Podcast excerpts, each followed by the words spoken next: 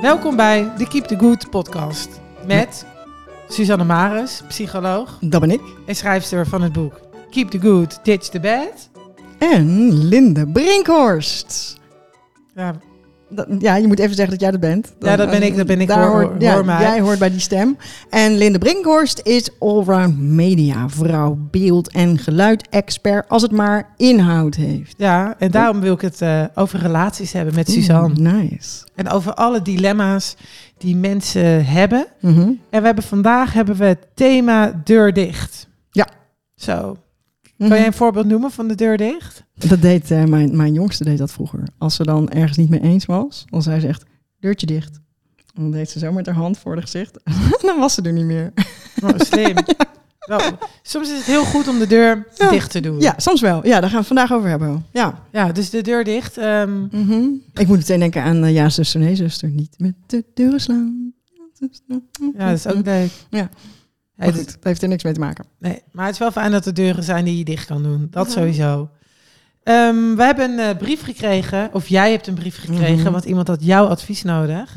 En dat is een meneer die, ehm, die niet een eh, huwelijk heeft eh, waar die blij van is Klopt. op dit moment. Er moet iets veranderen. Mhm. Maar wat? Wat? Ja. En eh, ze hebben, hij heeft twee kinderen, dat wel. En ze zijn al lang samen. 15 jaar. Ja. Getrouwd. ja, waarvan de laatste vijf jaar eh, niet lekker gaat. Ja, het kan gebeuren. Mhm. Maar hoe? Hij hoopt dus oud te worden met haar. Mhm. Dus hij heeft heel veel hoop. Ehm, vroeger was het, hadden ze een goede seksuele relatie, maar Mhm. haar, libido, oh, haar libido was toen veel groter dan dat van hem. Maar sinds de kinderen, Mhm. is wel misschien herkenbaar bij eh, heel veel mensen, Mhm. is het minder geworden. En ze zijn door de jaren heen zijn ze verder uit elkaar gegroeid. Mhm. Ehm, hij houdt zich bezig met de kinderen. Eh, hij zou graag dat meer willen delen met zijn vrouw, maar zij weigert dat. En eh, zij doet niet aan emoties.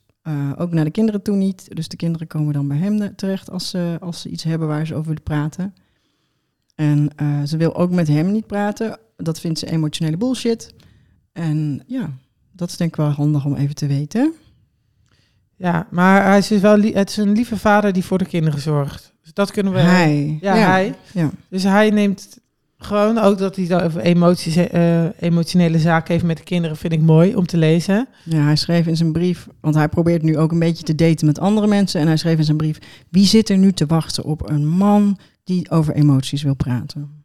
Nou, dat wil toch elke vrouw? Ja, dat denk ik. Ja, ligt een beetje aan hoeveel en hoe vaak en hoe lang. En wat, ja, in principe wel toch? Ja. Ja, ik, maar wij hadden het er ook over Mhm. dat, jij, dat jij heel veel brieven van mannen krijgt. Ja.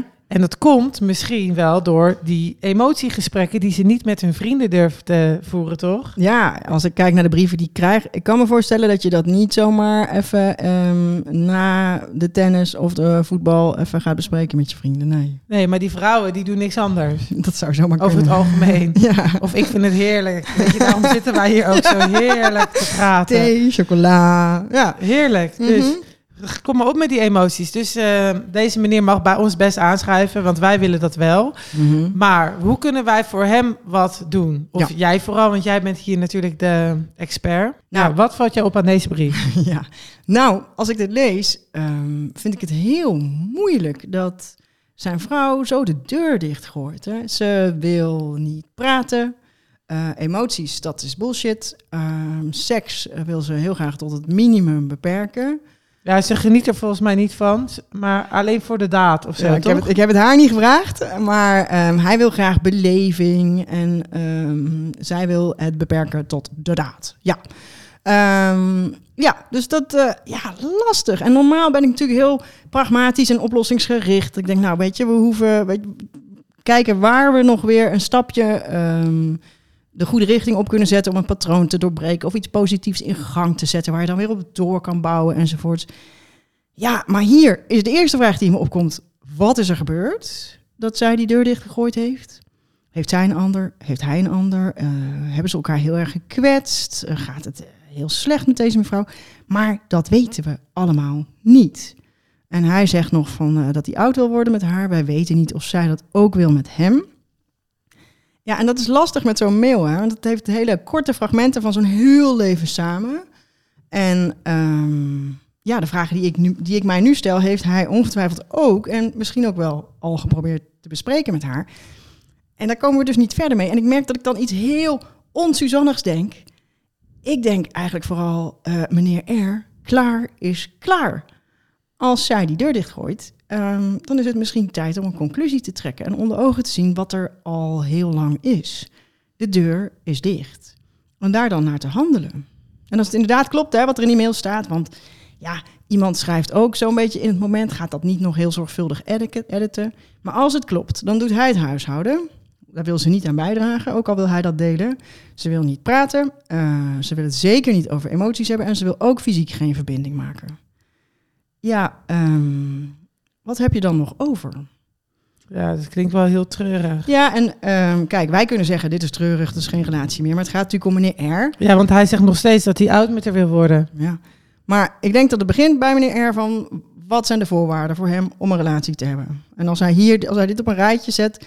zijn er nog voorwaarden waar wij niet van weten waar wel aan voldaan wordt? Oftewel, hebben ze nog een relatie eigenlijk? Bedoel, bedoel jij nu te zeggen dat hij... Uh dat, dat, ze gewoon, dat het klaar is, dus dat hij er moet uh, dumpen? Nou, ik vraag me inderdaad ja, of hij haar moet dumpen. Ik vraag me eigenlijk af of meneer er niet eigenlijk al lang gedumpt is. En uh, ja, dumpen dat klinkt echt veel grover dan we dat bedoelen. Maar zij doet niet meer mee met de relatie. En stiekem hoop ik natuurlijk dat als hij nu op zijn trepen gaat staan en zegt: hey, het is me opgevallen dat jij niet meer meedoet met de relatie. Dus we hebben geen relatie meer. Dus het is over. Basta. Wanneer ga je verhuizen? Gewoon hard. Oeh. dat zij dan schrikt. En weet jij, jij bent van de spreekwoorden. Dus er is er toch zo een: onder druk wordt alles vloeibaar. Ja, ja ik, dat, dat denk ik wel. Ik hoop dat ze schrikt en dat ze denkt: oh, uh, misschien ik toch nog wel meedoen. Misschien moeten we toch maar in therapie, moeten we praten, uh, zoiets. Ja, en dat ze denkt: ik wil me niet alleen zijn. Want Misschien, ja. Is dat ook niet zo'n sterke, uh, niet zo'n sterke motivatie? Hè? Ik wil niet alleen zijn. Nee, ik nee, wil, maar... Ja, ik wil met meneer R zijn. Dat nee, is, ja. ja. maar op dit moment, hoe wij die brief lezen, heb ik ja. wel een beetje medelijden met het leven van deze mevrouw. En meneer, allebei. Ja, ook. Voor maar hij, weet je, hij zorgt nog voor de kinderen of hij heeft, hij heeft nog wel wat leuke dingen. Maar als zij zeg maar helemaal niet meedoet in een gezin, lijkt me toch een dat lijkt me pas eenzaam. Ja, ja het klinkt voor allebei eenzaam. Ja, en um, ik hoor trouwens best heel vaak um, dat een van de twee zegt: hey, het werkt zo niet meer, ik wil praten, ik wil een therapie. En dat dan jaren zegt. En op het moment dat iemand dan zegt: Oké, nu ben ik echt klaar, we gaan scheiden. Dat dan de ander pas meekomt en zegt: Ja, maar laten we dan relatietherapie doen. Um, ja, en ik hoop eigenlijk dat als meneer R nu echt hard op zijn trepen staat en zegt: uh, Het lijkt erop dat jij niet meer meedoet en dat het klaar is, dat zij dan weer mee gaat doen. Het lijkt me heel moeilijk voor hem om deze grens te trekken. En spannend dat hij, omdat hij dus met de oud wil worden, Mhm. eigenlijk. Ja. Dat hij zegt, oké, het is klaar, doei. ja, dat is super spannend voor iedereen. En meneer R heeft in zijn brief ook al verteld uh, dat hij weinig zelfvertrouwen had, dat hij verlatingsangst heeft. Dus voor, he voor hem is dat enorm groot. Um, dus misschien heeft hij wel hulp nodig. Nou, er is vast een psycholoog bij hem in de buurt. En anders kan hij ook in januari meedoen met het bootcamp. Kan alleen, kan ook samen. Werkt allebei. Want als we het op een rijtje zetten. Hij heeft geprobeerd te praten. Dat vindt zij emotionele bullshit. Hij heeft geprobeerd te accepteren. Dat lukt hem niet. Hij heeft geprobeerd aan zichzelf te werken. Nou, dat uh, zegt hij nu dat dat uh, wel wat beter gaat. Hij heeft geprobeerd te daten, buiten de relatie te zoeken. Maar het is allemaal nog een beetje half. En ik uh, hoop zo voor meneer R dat hij uh, nu gewoon heel duidelijk kan hebben van dit is wat ik wil, dit is wat we gaan doen. Heldere lijn. Het is allemaal een beetje halfslachtig nog. En het kan hè, het kan dat zij zegt oké, nou ja, nee, je hebt gelijk, ik doe niet meer mee. Uh, we zijn klaar, doei. Ja, en dat is natuurlijk vreselijk, maar dan weet je dat maar. Want ze zijn nu al vijf jaar zo door en hij kan niet in zijn eentje een huwelijk draaiende houden. Het kan ook dat, uh, dat ze tot de conclusie komen van ja, er is best nog wel liefde, maar er is gewoon geen liefdesrelatie meer. En dat ze dan gaan zoeken naar hé, hey, maar wat houden we dan nog wel over? Houden we überhaupt iets over om uh, nog te behouden en om te vormen? Maar waarom wil hij uh, dan nog oud worden met haar eigenlijk? Ja, Geen idee. Zo. Dat weten we niet. maar ja, dat... eh, ik denk wel dat ze heel knap is. dat denk ik. Ja, we weten het gewoon niet. En af en toe wil ik ook gewoon even bellen met die mensen. En een foto van het eh, gezin. Oké, nee, dat heb ik gewoon. Ik zie een soort hele mooie Duitse voor me, maar die heel zagrijnig is. Ja, nou en dat vind ik ook wel het gevaar van zo'n brief. Hè. Als we niet uitkijken, dan eh, wordt de, de mevrouw van meneer R. wordt een soort gemene heks. En Nee, nee, want ze is in mijn ogen dus heel erg knap. Heel knap. Ja, maar dat kan nog steeds gemeen zijn, toch? Ja, maar, Ehm, maar wel knap. Ja. nou ja, Oké. Maar ja, het, laten we ervan uitgaan dat eh, mevrouw R. eh, redenen heeft voor haar gedrag. Dat ze eh, niet willens en wetens de boel loopt te saboteren daar. Ehm, ja, en misschien is er wel nog liefde, kan zijn geen relatie voor de nu. We kunnen erover speculeren, maar we weten dat gewoon Ja, niet. overgang kan ook. Ja, we weten Oké, ik zeg maar wat, hè. Ja. Het kan echt van alles zijn. Maar puur als we werken met wat we nu weten.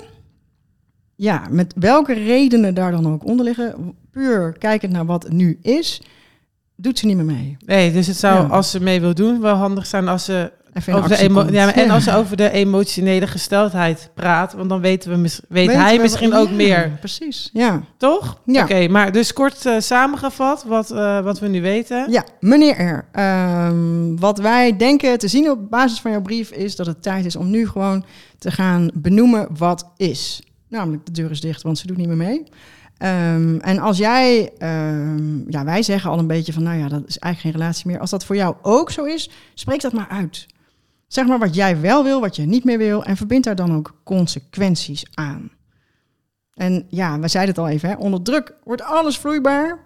Eh, Linde is van de spreekwoorden, ik word gewoon door jou aangestoken. Ja, ik kom vind ik heel ook- fijn. Dat is toch fijn? Dat Ja. helpt ons gewoon. Soms wel. En ik hoop gewoon echt dat het weer gaat stromen tussen meneer en mevrouw R. Want ze hebben vast ook een hele goede reden om na vijf jaar toch nog steeds eh, samen te zijn. Ja, ze zijn 15, Vijftien jaar achter- samen, waarvan vijf jaar slecht. Dus, Ja. ja. Ja, Dus ze hebben vast nog heel veel mooie momenten waar ze aan kunnen herinneren. ik hoop het echt. Meneer R, zet hem op. Ehm, en als je dit nou hoort en je denkt, ja, hallo, dit is echt voor mij gewoon een te grote stap om zo hard op mijn strepen te gaan staan. Zoek dan hulp. Of eh, bij een psycholoog bij jou in de buurt. Of kijk even op de website voor het bootcamp.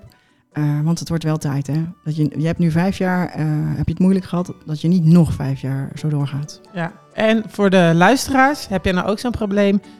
Mail Suzanne gewoon, want die kan je ook helpen. Ze stuurt altijd een antwoord.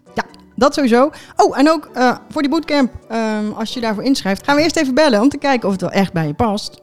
Ehm, dat gesprek is eh, gratis, vrijblijvend. En ik kijk even met je of dat past, want je relatie is gewoon te belangrijk om dingen te gaan doen die niet helemaal handig zijn voor je. En in dat gesprek eh, kan ik het toch niet laten. Ga ik je toch ook alvast een paar adviezen geven om het nu beter te hebben met elkaar. Toch? Ja. Ja. Dus zet hem op allemaal. Ja, meneer R. Succes! En tot snel. Ja. Tot snel. Doei.